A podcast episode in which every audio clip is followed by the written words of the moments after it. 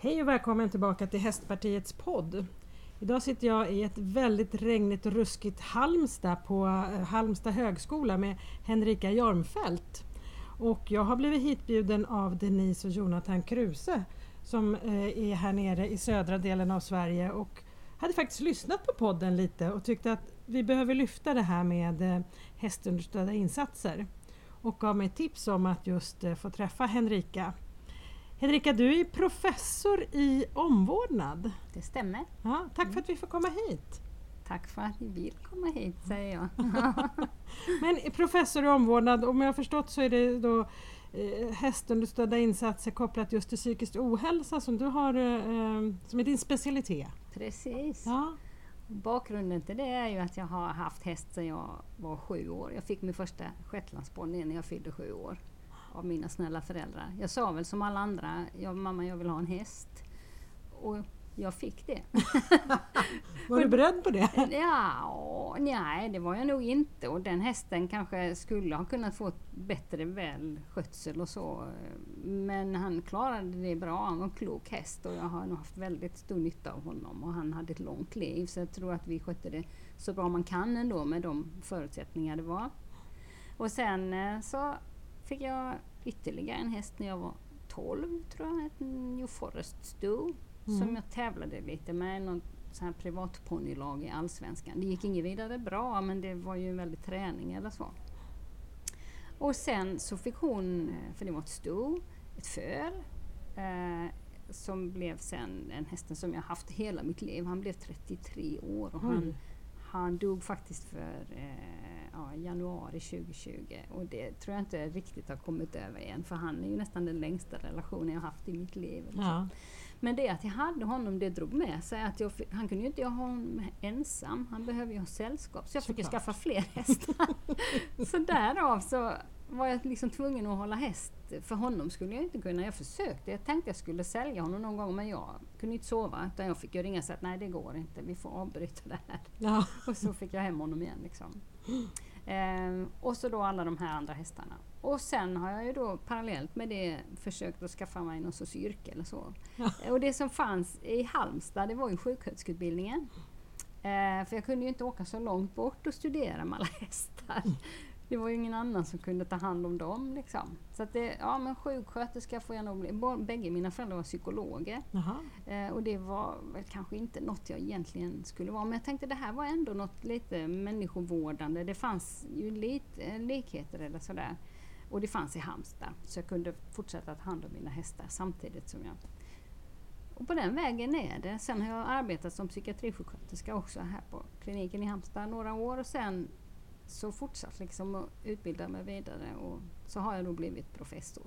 Ja, Vad fränt! Hur lång tid tar det att bli professor? Det tar ju... Eh, samtidigt som jag fick mitt första barn, den äldste sonen, 1996, samma, samma dag som han skulle födas så började jag läsa vårdvetenskap, 21 till 60 poäng som påbyggnad på sjuksköterskeutbildningen.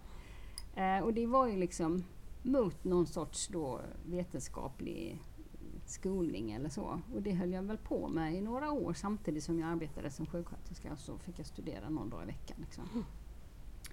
Och det rullade på. Och eh, när jag var färdig med min ma magister då så frågade jag min chef inom psykiatrin om jag kunde få läsa, söka in till forskarutbildningen i Lund. Och det fick jag. Jag mm. trodde inte det var sant, men det, ja, det är väl inte så många i den här verksamheten som är disputerade, så kommer du in så bara kör på, sa han. så det gjorde jag. Mm. Eh, och försökte då samtidigt sköta hästarna hemma. och jobba. Eh, så det var ju mycket arbete. Och jag kom in, det var nog 2003 som jag började forskarutbildningen. Mm. Och jag var färdig 2007. Mm. Eh, och sen jag, egentligen hade jag ju ambitionen att jag skulle fortsätta arbeta som sjuksköterska för jag var väldigt förtjust i mina patienter. Mm. Jag tyckte väl kanske inte alltid att det var något vidare med den här vårdhierarkin och upplägget att man blir väldigt mött utifrån sina symptom, sina brister och vad som inte fungerar. För det är klart att blir man mött utifrån det konsekvent så är det ju nästan bara det som blir färgar identiteten Mm. till slut. Och det kände jag att det egentligen, jag vill inte vara en representant för det här systemet. Så jag hade väl hästarna hemma som någon sorts andningshål eller så. eh, Någon, där jag kunde fylla på någon genuinitet eller vad jag egentligen stod för. Eller så. Eh, och sen så fortsatte det och jag började, jag, egentligen ville jag jobba till, eh, som sjuksköterska på grund av den här kontakten med patienterna. Men det fungerade inget vidare med mer, med mer eh, utbildnings... Det fanns ingen plats i vården. Eh, och det tänker jag var eh, kanske lite grann som sjuksköterska i relation till läkare. Det finns, man får inga andra gudar hava jämte mig. Nej, och det är läkarna som är gudarna i vården. Och jag hade ju egentligen kanske nästan mer utbildning då när jag hade disputerat än läkarna. Det var inte så lätt liksom. Ehm, så det blev till slut, eller ja, man nästan puttade ut mig. Mm, liksom, mm. att eh, nu ska du väl till den akademiska världen. Och Okej. till slut så tänkte jag att det kanske ändå är, för då kan jag utbilda fler och få kanske mer genomslag än att kämpa mot någon sorts glastak eller så. Det Mm. kanske inte ändå är... Eh, så det gjorde jag. Mm. Så jag Häftigt.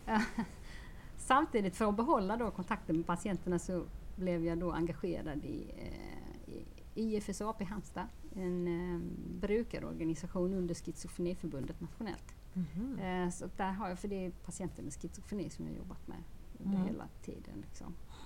Jag vet inte om de på något vis har samma genuina grund som hästar. Varför just eh, schizofreni? Det var inget jag valde egentligen. Aha. Det var där det behövdes folk. Så jag Okej. hamnade där och sen lärde jag mig att förstå och tänka mer. Mm. Som kanske den typen av personer gör. Många gånger så heter det ju i samhället att man är så skrämmande, man är så aggressiv och man har så mycket Om man, är så schizofren? farlig. Om man är men Ja.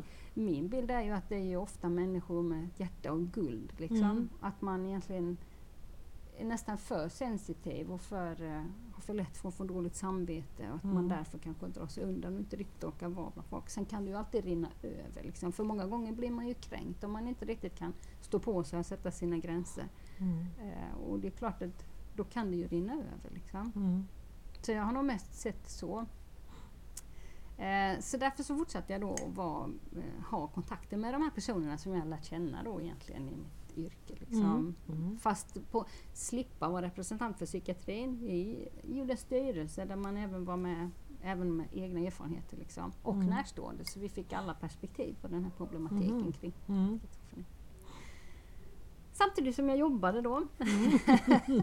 och fortsatte att utbilda mig vidare och började försöka forska. Det är ju inte så lätt för undervisa får man ju gärna göra när man arbetar på ett lärosäte. Ja. Eh, Det är ju det som drar runt ekonomin på ett Mm. lärosäte. Däremot att få tid till att forska är ju inget som är självklart utan Mm. det är ju på ett annat sätt. Antingen gör man det på sin fritid eller när man hinner och kan eller också får man söka medel och det är inte alltid det är så himla lukrativt. Nej, Liksom. nej. Eh, Men då håller du på med undervisning och då, och, jag kan inte prata. Då undervisar du i omvårdnad. mm. Ja. Sjuksköterskestudenter Ja. både på grund och avancerad nivå. Ja. Mm. Så då har det ingenting med hästar att göra utan då är det ren eh, Mm. omvårdnad. Precis. Och sen i din forskning så har du tittat på um, hästunderstödda insatser. nu på sist, sista tiden. Så Ja. det tog ju väldigt många år. Jag blev ju färdig då 2007. Ja. Så under alla de åren så var det ju egentligen somatisk hälsa för personer med schizofreni. För många gånger är den väldigt eftersatt, man blir väldigt inaktiv och äter kanske inte så klokt. Och, så, och många gånger är ju samhällets stödinsatser för den här gruppen ganska så otillräckliga. Okej. Så att man får liksom inte den hjälpen man behöver med att leva på ett sunt och bra sätt heller. Är man mycket ensam så är det lätt att det blir en påse chips och det blir en pizza och det blir Ja. läsk och det blir cigaretter. Och, ja, man kommer in liksom, det är ju lätt för en annan också men finns det inget som motverkar så är det ju ännu mer. Mm, mm. Så det var egentligen det som var mitt forskningsområde under de här åren mellan 2007 och kanske fram till för ett par, tre år sedan bara egentligen. Mm. När jag tänkte det att nu har jag arbetat så länge och strävat med de här eh, regniga onsdagsmorgnarna halv sex med mockning och lera innan jag går till jobbet. Och eh, samtidigt skött jobbet och försökt undervisa och forska. Jag måste få ihop mitt liv. Mm. Jag brinner för det här med hälsa för de med psykisk ohälsa som är de mest utsatta i vårt samhälle. Och jag brinner för det här med hästar. Och jag känner själv hur bra jag mår av att må mina hästar. Det måste gå att få ihop. Så att inte jag liksom, när jag jobbar så har jag dåligt samvete med hästarna. Och när jag är med hästarna så tänker jag att jag borde ha jobbat. Jag skulle ha suttit vid datorn, jag hinner inte. Mm. Liksom. Om jag kunde få ihop det så kanske jag skulle spara tid och det kunde bli något bra av det. Så nu de senaste åren så tycker jag att jag faktiskt har lyckats lite att få ihop mitt liv. Med det. Wow! Ja, så det är väl det som är bakgrunden till att jag... Får man gå på kurs hos dig? ja. ja, ja, det kan man absolut. För, ja, men det är nog det, ja. Ja, för det, man kan ju tycka att det borde kanske inte ha behövt ta riktigt så lång tid. Men det, men det, kanske, det kanske det måste, jag vet inte. Ja, nej, kanske får växa fram.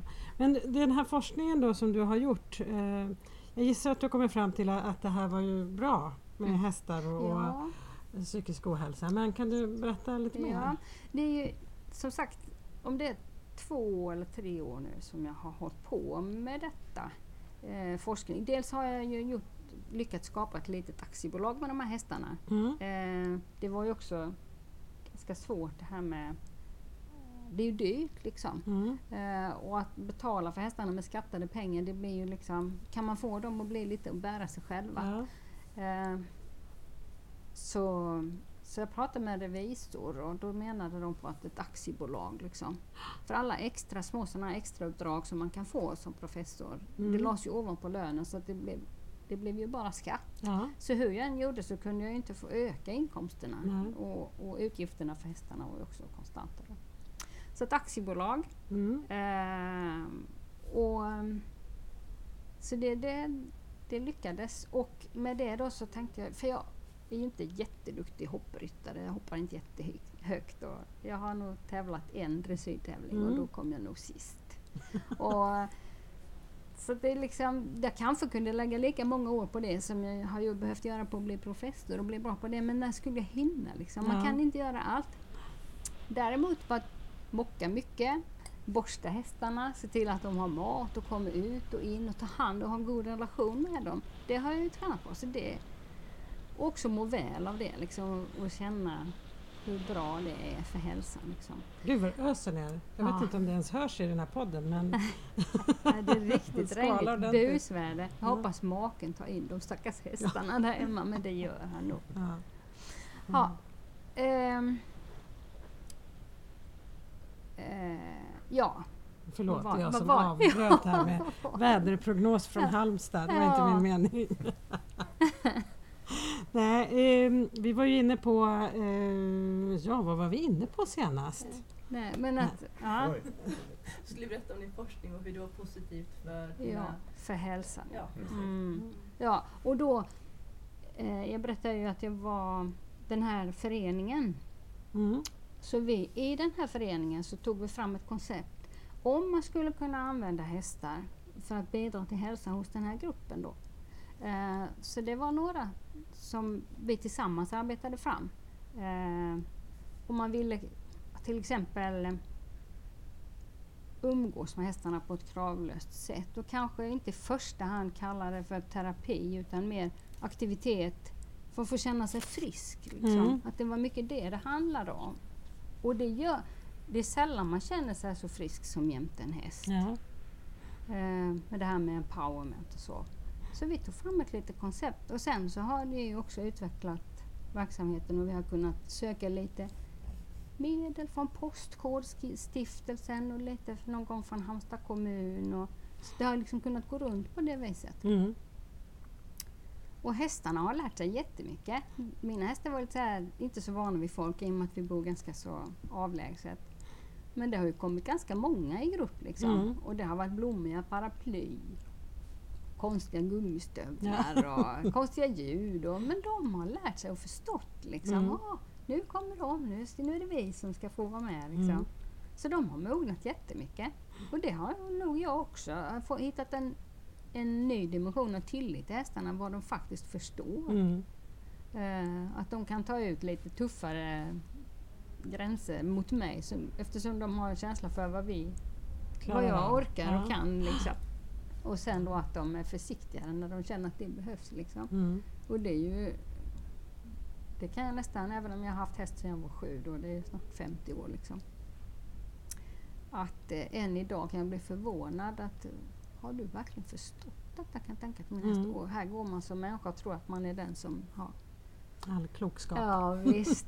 Och vad de har fått stå ut liksom med Mm. vad man inte har förstått säkert liksom. Mm. Och de gör det så tålmodigt liksom.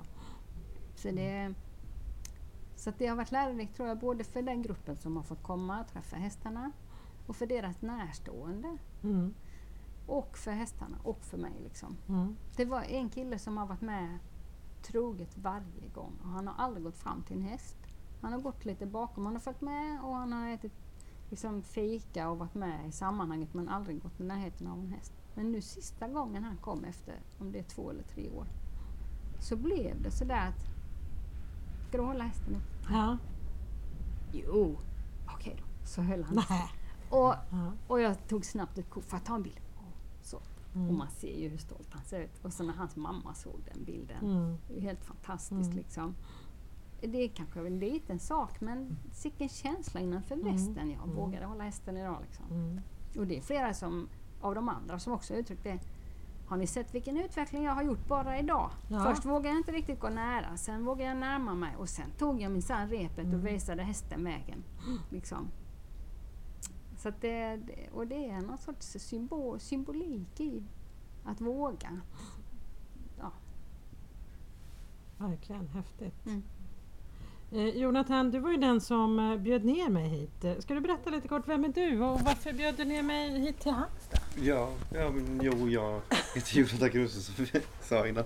Och jag brinner mycket för inom vad man kan göra inom pedagogiken med detta i skolan. Och du la upp en uh, liten post på uh, skolpolitiska nätverket och jag tänkte att det här var en approach jag var väldigt intresserad i.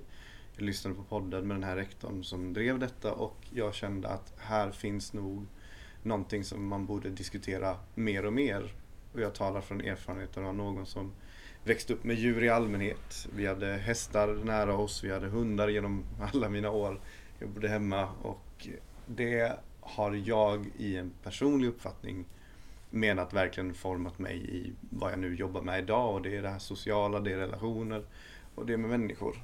Eh, och ja, det har varit någonstans ju mer jag går in i det så märker jag att det finns någonting vi borde ta upp mer och mer. Eh, Vi samtalade lite innan vi började spela in om hur vi påverkades och på både bra och dåligt sätt av våra sociala relationer och saknaden av den. Och eh, det är verkligen bara ju, ju längre in jag går in på hur mycket vi behöver djur och hästar och hundar och allt i våra liv så märker jag att vi har kommit ifrån det lite. Så det här är någonting jag vill titta på hur vi kan få in i undervisning för ungdomar speciellt men även för ungdomar som har bekymmer och trubbel och psykisk ohälsa. Jag tror det finns genuina fördelar och möjligheter att utforska här. Det är bara att vi måste få in det i samhället och göra det som ett mer självklart val för att det ska vara en väldigt bra stödinsats som det kan vara. Mer häst åt fler helt enkelt. Ja, Ja. mer häst åt folket. Men Denise eh, som är din fru, du är ju också väldigt eh, bra då, också lärare. Mm. Ja. Eh, håller du med? Om allt? ja. att vi behöver mer häst åt folket? Ja. Absolut, jajamän det är därför jag är här också. Eh, Jonathan tänkte på mig när han såg din, ditt inlägg där i sociala medier tror jag. Ehm, själv hästintresserad sedan länge. Eh, och så många tror jag började när jag var väldigt liten, liksom 6-7 år gammal. Och sen så kom man till en punkt, precis som Henrika sa, att man kanske måste börja tävla eller göra någonting av det där i, i tonåren. Och, eh, ja, det var väl kanske inte riktigt rätt för mig då, så då slutade jag rida. Eh, och sen så gick det många år. Och så tänker man varje år att ja, men nästa år kanske jag får börja igen och nästa år. Sen ja, blir man en vuxen och skaffar jobb och skaffar barn och sådär och tiden går. Men ganska nyligen så började jag rida igen då. Och som du sa, både jag och Jonathan är lärare och vi brinner för pedagogik och psykisk hälsa bland elever och de här bitarna. Ehm, så jag håller absolut med. Jag känner precis som Henrika där liksom att eh, hur får man de här två delarna av livet, att liksom intresset för hur folk mår, hur de lär sig och just det här med den positiva effekten man får av att umgås med djur, i mitt fall då specifikt hästar. Jag har aldrig haft hund och sådär som Jonathan jag, jag, man, man känner liksom hela in, in i, i, kroppen att det här, det här måste gå att få ihop på något sätt. För just välmåendet och att man presterar bra i livet, i skolan, i sina relationer, det, det hör liksom ihop. Så hur får man ihop det? Så där, och det har vi pratat mycket om hemma. Så jag tror att eh, när du såg det här då så, så började du prata med mig och så råkade jag ju då, eftersom jag har jobbat här på, på studentkåren i Halmstad, känna till Henrika och hennes eh, forskning. Ehm, och då bara, ping, henne måste vi Ehm, para ihop här med dig då. Henne ska vi ha! ja, henne måste vi prata med. Ja, och det var ju jättebra. Och då tänker jag så här, eh, jag har nyligen debatterat eh, barnfetma med eh, socialministern i riksdagen. Och då tittade jag på en hel del annan statistik när jag läste på inför debatten och, och hamnade såklart in i den psykiska ohälsan hos barn och unga som är ju högst bland eh, flickor. Och eh, jag, sa, jag är ju ingen forskare så jag kunde inte göra någon korrelation däremellan men man kan ändå tro att det är många som har en övervikt och inte mår så bra och så trygg i sig själv, då mår man inte heller så bra. Men då tänkte jag nu medan vi pratar här, om det är så många som mår dåligt bland eh, Sveriges unga flickor, ändå är det mest flickor i stallet. Mår flickor i stallet inte så bra eller är det de andra som inte mår så bra? Vad tror du eh, Henrika? Det kan nog vara både och. Alltså, det finns väl också viss information som tyder på att eh, miljön i stallet kan vara ganska tuff. Det är ju inte bara hästar i stall. Mm. Det är ju människor också. Och ja. den hierarkin där kan ju vara ganska tuff med de som är duktiga och kan ta för sig. Mm. Och de som kanske inte riktigt kommer till. Liksom. Eh, så det, kan, det är ju väldigt viktigt hur det, hur det utformas och hur det leds i ett stall. Eh, sen tror jag nog många gånger att kanske de som har möjlighet att hålla till i stall kanske inte är de som är värst drabbade av psykisk ohälsa mm. och övervikt och andra typer av problematik. Det är något som vi också har sett i vår verksamhet att, och som jag märker själv också om man har sin lilla Fitbit-klocka på sig att umgås med hästar det blir massor med steg utan att man ens tänker på det. Liksom. Mm. Så att man får ju väldigt mycket fysisk aktivitet och det motverkar ju också både ohälsa och övervikt och andra problem. Liksom. Mm. Du nämnde här nu innan att eh, den här eh, onsdag morgonen halv sex i lera och drivis eller regn mm. i alla fall. Mm. Eh, det är ju inte så glamoröst och, och härligt alla gånger. Men ändå så räknas ju ridsporten ganska ofta, eller kanske framförallt just ridsporten, men hela hästnäringen räknas ju väldigt ofta som något väldigt fint och överklassaktigt. Mm. Hur tror du att det har blivit så? Jag vet inte, jag funderar på om det kan ha med någon sorts genusgrund mm. i vårt samhälle.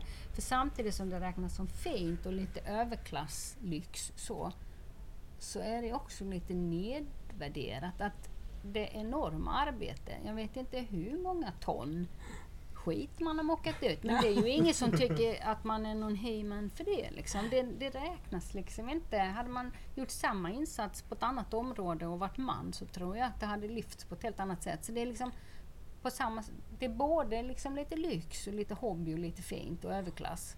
Samtidigt som det liksom är lite tjejigt och töntigt på samma gång. Liksom. Jag vet inte riktigt hur man får till det. Men jag tror att det har någonting med genus att göra. Mm. Jag vet inte. Mm. Vad tror ni? Jonathan och Denise? Ska jag börja? Nej men det, det, det, precis som Jonathan nämnde så satt vi och pratade en stund här innan eh, och tog upp det här just med att man ser kanske framförallt eh, manliga ryttare på elitnivå eh, samtidigt som det då eh, övervägande kanske syns flickor i, i stallet. Och det kanske, kanske inte är eh, omöjligt att tänka sig att, att just den hårda Eh, det hårda arbetet, alltså det, på något sätt så är det kanske mest flickor, alltså hästskötare, oftast tjejer då. Medan den där ryttaren som får strålkastaren på sig, som tjänar pengarna på sina tävlingar och så är det kanske en, ofta är en man. Men som har en hel armé av liksom folk runt omkring sig som gör det hårda arbetet. Så att jag vet inte, det är bara en, en observation men, men det går ju lite hand i hand med det som Henrika här sa att det kanske finns en genusaspekt eh, i det. Och att det liksom elitbiten eh, kanske är mer manligt driven och, och just det dagliga liksom ute på ridskolorna, det där, det kanske är lite mer tjejigt. Liksom, och mocka och fixa i stallet och putsa träns och allt det här pysslet. Liksom. Jag vet inte heller. Jag har inget eh, svar men det, man kan ju bara tala om det man har sett. Liksom. Nu var det ju länge sedan vi- jag gick i ridskola men det var ju mest flickor. Mm. Kanske mötte en pojke under Mm. de, vad det nu var, tio. Jonathan, du är man. Den enda mannen här i sällskapet här idag. Vad tror Ja. du? Alltså vad jag tror, jag, jag har några erfar- år av erfarenhet jag jobbade i högstadie och jag jobbade på landsbygden kan man säga. Och där är det väldigt vanligt att hästtjejer som man kallar begreppet, det liksom är förekommande. Och jag tycker alltid är så konstigt om man, när man ska nedvärdera det och det händer. Men det är att när jag träffar de här eh, hästtjejerna som vi ska kalla dem då. Så är de oerhört flitiga, väldigt skärpta. För det ansvaret man ska ta i till exempel sin utbildning eller hemma i sitt egna privatliv, det har de redan fått öva på.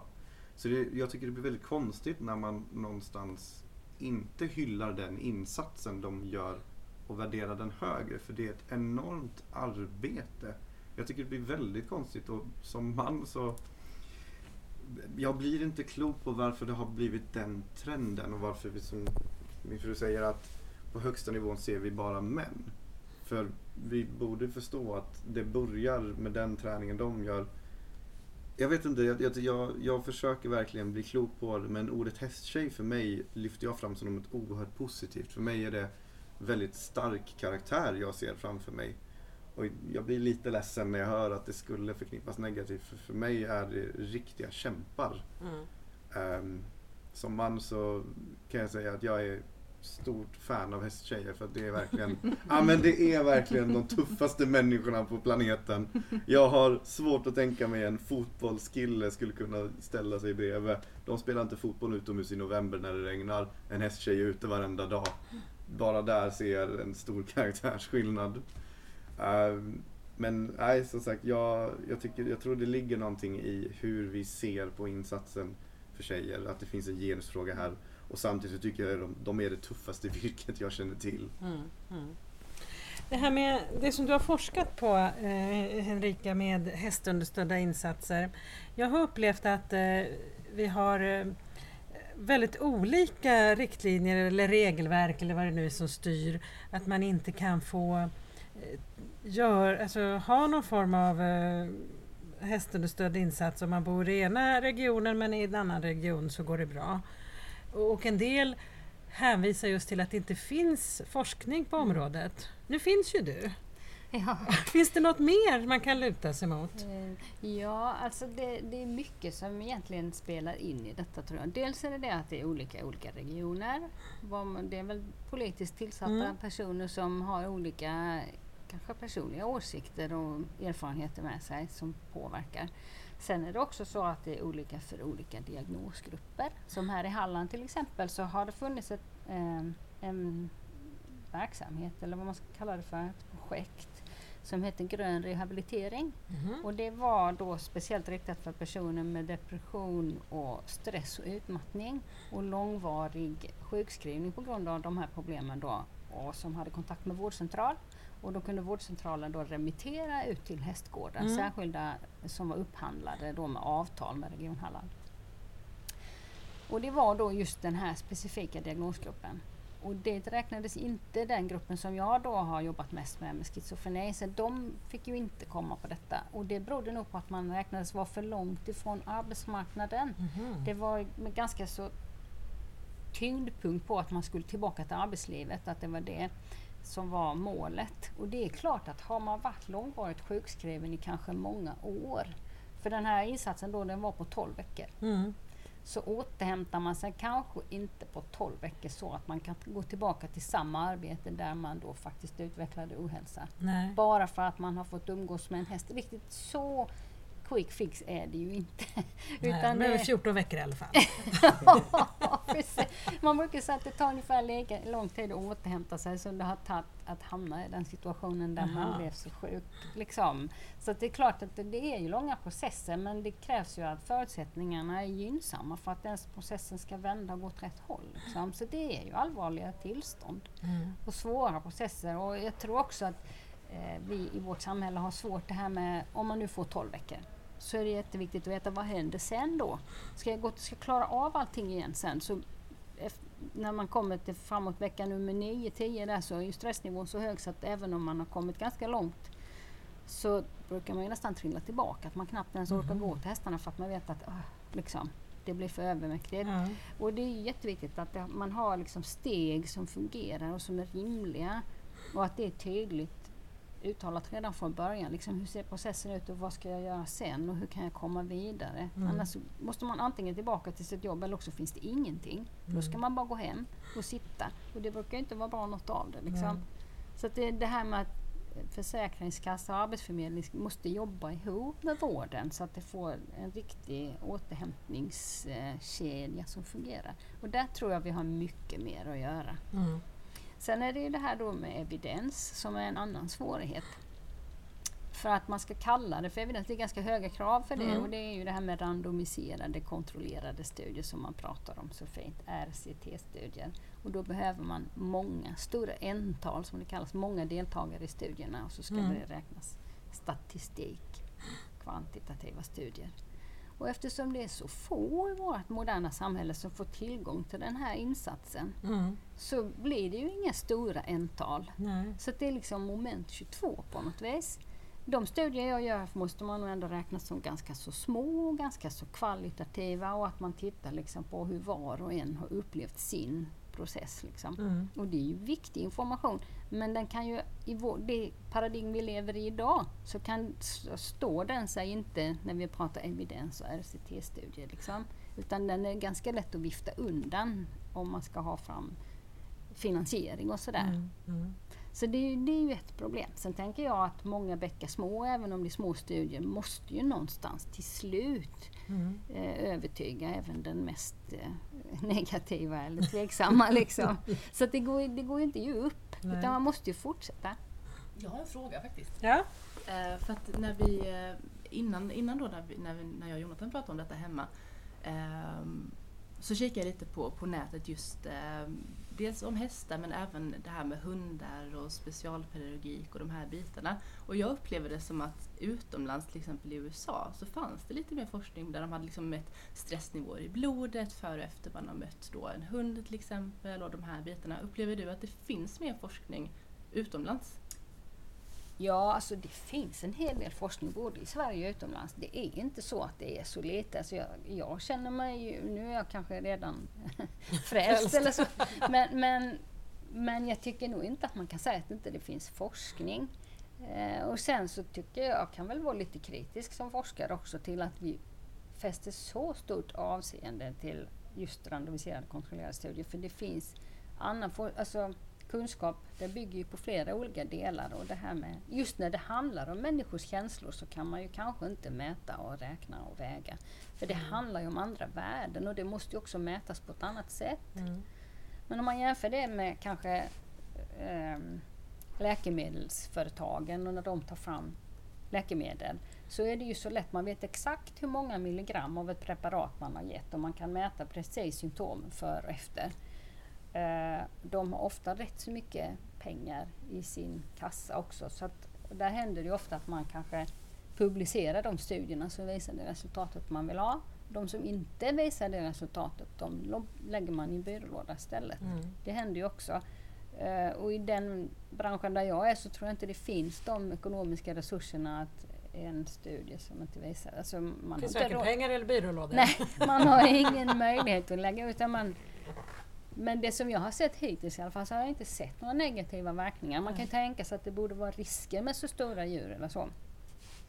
Men eh, så att det tänker jag ju den lilla verksamheten jag själv har haft att eh, det är ju jätteviktigt att man är duktig på att matcha hästen med den klienten man har så Mm. att de verkligen stämmer överens. Både storlek och hur eh, pigg och framåt man Mm. är och att, man, att det stämmer där så att det blir en bra upplevelse. Och det tänker jag är terapeut eller häst, eh, den som håller i verksamheten eh, som, som har ansvar för att se till att det blir en positiv match och en Ja. positiv upplevelse Mm. för klienten som man kan utvecklas i. Liksom. Mm. Mm, Jag tänker lite när du pratar om att det är svårt att mäta de här känslorna men jag tänker hade man inte kunnat göra en mätning där man tittar på den psykiska ohälsan hos en grupp som har någon form av djurrelation Mm. och sen ställa den jämförbart med den som har haft. Där tror jag ändå man skulle kunna börja gräva och någonstans också ställa sig frågan Ska man jobba med det för att behandla symptom eller ska man ha det i förebyggande syfte? Vad tror du hade liksom varit drömscenariot? Mm. Att jobba förebyggande eller i efterhand? Absolut, det är ju jätteviktigt att jobba. Det allra, allra bästa är ju om man har ett sätt att leva så att man inte hamnar i de här värsta situationerna. Det tänker jag ju. Eh, så att det finns tillgång till djur och natur. Om man tänker nu det här med de här forskningsområdena vi har med, med hälsoinnovation och smarta städer till exempel så borde de ju absolut, knutpunkten där är ju att se till att människor i en smart stad har tillgång till den här basal, det man behöver i sina grundläggande behov som närhet till djur och natur och den avkoppling och återhämtning som det innebär. Eh, så det är ju egentligen, och då kanske man inte behöver utveckla så svåra symptom eller diagnoser. Och det är ju det allra bästa. Eh, men jag tror inte att det är någon motsats eh, egentligen utan det behövs nog båda delar. Och det är precis som du säger att man kan ju mäta känslor före och efter. Men det går ju alltid att ifrågasätta för att även om man då har skattningsskalor till exempel så kan man ju då få kritik för att det är ju självskattning. Och har jag en dålig dag så är allting dåligt och har jag en bra dag så är allting bra. Och hur exakta är de skalorna då? Det är inte så heller att det är som en linjal, att det som är jättedåligt för en människa är samma jättedåligt som för en annan. Det är ju inte exakta skalsteg utan det är ju liksom Eh, att man ger en uppskattning av hur man känner någonting. Så att man kan ju alltid bli ifrågasatt att det är inte riktigt lika exakt som andra mätningar kanske det inte kan bli. Och det, jag tror inte att det behöver vara det. Det räcker att man känner att man mår bra. Men då har vi ju det här andra att man måste tillbaka till arbetslivet och det det är ju i och för sig bra. Alltså man har ju de trubbiga mätvärdena att man inte behöver sjukhusvård till exempel. Eh, och att man eh, då kan återgå i arbete. Eh, men det beror ju på så mycket annat också. Jag kanske mår alldeles utmärkt om jag slipper den påfrestningen som det arbetet där jag inte mår bra. Det, handlar, det finns ju många olika typer av arbete och jag kanske hade mått mycket bättre på ett annat arbete. Mm. Eh, Så det är så många olika saker, så det är ju så hemskt mycket olika faktorer som spelar in. Och om man då letar, eller om man som beslutshavare till exempel har som huvudsyfte att spara pengar, då letar man ju inte efter möjligheter att liksom få hästarna in i vården. Eller, då letar man ju snarare tvärtom efter möjligheter att slippa det eftersom man tänker det som en kostnad och inte kanske som en investering i första hand. Så det är ju liksom, och det är lite den typen av samhällsstruktur vi lever liksom. Men om man alltså byggde in riktiga hundar istället för rondellhundar i samhällsplaneringen, då kanske man skulle må lite bättre? Ja, förmodligen. Ja. Det, sen så är det viktigt också hur det ser ut runt omkring kontexten. Att man verkligen får möjlighet att kanske skapa den här relationen. Som de här Mm. läshundarna till exempel, barn som har svårt att läsa. Att man får läsa för hunden, för hunden rättar den inte om man stakar sig. Och den, tycker inte, den bryr sig inte om betoning eller sådär. Och att, det, att man tycker liksom att jag måste läsa färdigt boken. Hunden har ju inte fått lyssna på slutet. Liksom, eller så. Att, så det, och, och hitta den känslan av att någon är tillsammans och att man kan göra det i trygghet liksom, utan att bli kritiserad. Och det är väl där djuren har en...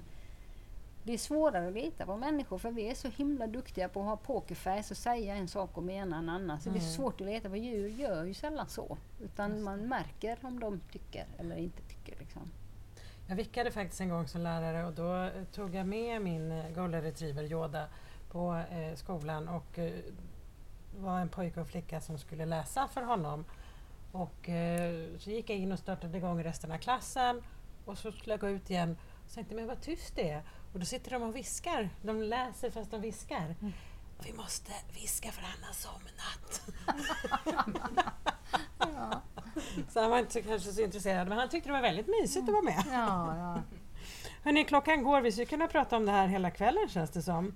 Men vi kanske får tillfälle att återkomma och prata mer och hur det går. Kanske måste komma ut och hälsa på dina hästar. ja absolut. Ja. Men jag tänker, hästnäringen är ju väldigt stor och bred och det är ju fylld med företagare och och massa typer av människor och hästar. Om du skulle vara minister för en dag, vad skulle du då bestämma för att förbättra för Sveriges hästnäring? Ja, jag skulle nog vilja tillsätta en utredning just med tanke på det här med genus. Alltså eh, om man kan, om man kan se faktiskt att det finns orättvisor kopplat till att det liksom betraktas som en hästsport. Att man kunde, om man kunde ringa in det och se liksom om man kan ha belägg för det. Vi har ju ändå rätt mycket i alla fall när det gäller på högskolor och universitet att vi ska förhålla oss till det här med jämställdhet och Mm hållbarhet och alla de här fina orden. Och jag tänker, är det hållbart i så fall? Om det är så att vi har ett nedärvt genustänk som hindrar hälften av befolkningen från att göra framgångsrik företagsamhet utifrån sina villkor på någonting som skulle främja hälsa och kanske landsbygdsutveckling. Mm. Bara för att vi har liksom blinda fläckar, gammal tradition som vi inte liksom vågar titta på.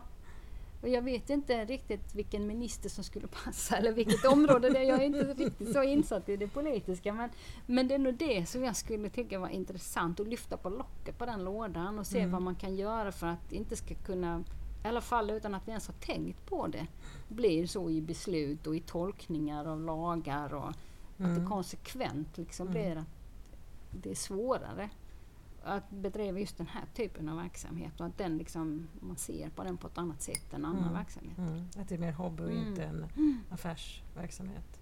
Många Precis. Spännande! Jag tycker det låter som ett bra förslag. Vad tycker ni? Ja. Jättebra. Perfekt. Nu, tack snälla Henrika för att vi fick komma och våldgästa dig här på Halmstad högskola. Och tack eh, Jonathan och Denise för att jag fick bli nedbjuden till Halmstad. Jag tycker dock att ni kunde ha bjudit på lite bättre väder. Ja. Nä- Nästa gång. Nästa, gång, nästa ja, vi tar det nästa gång. Och till er som lyssnar, nästa vecka så blir det ett nytt bra spännande avsnitt av Hästpartiets podd. podd. Tack för idag!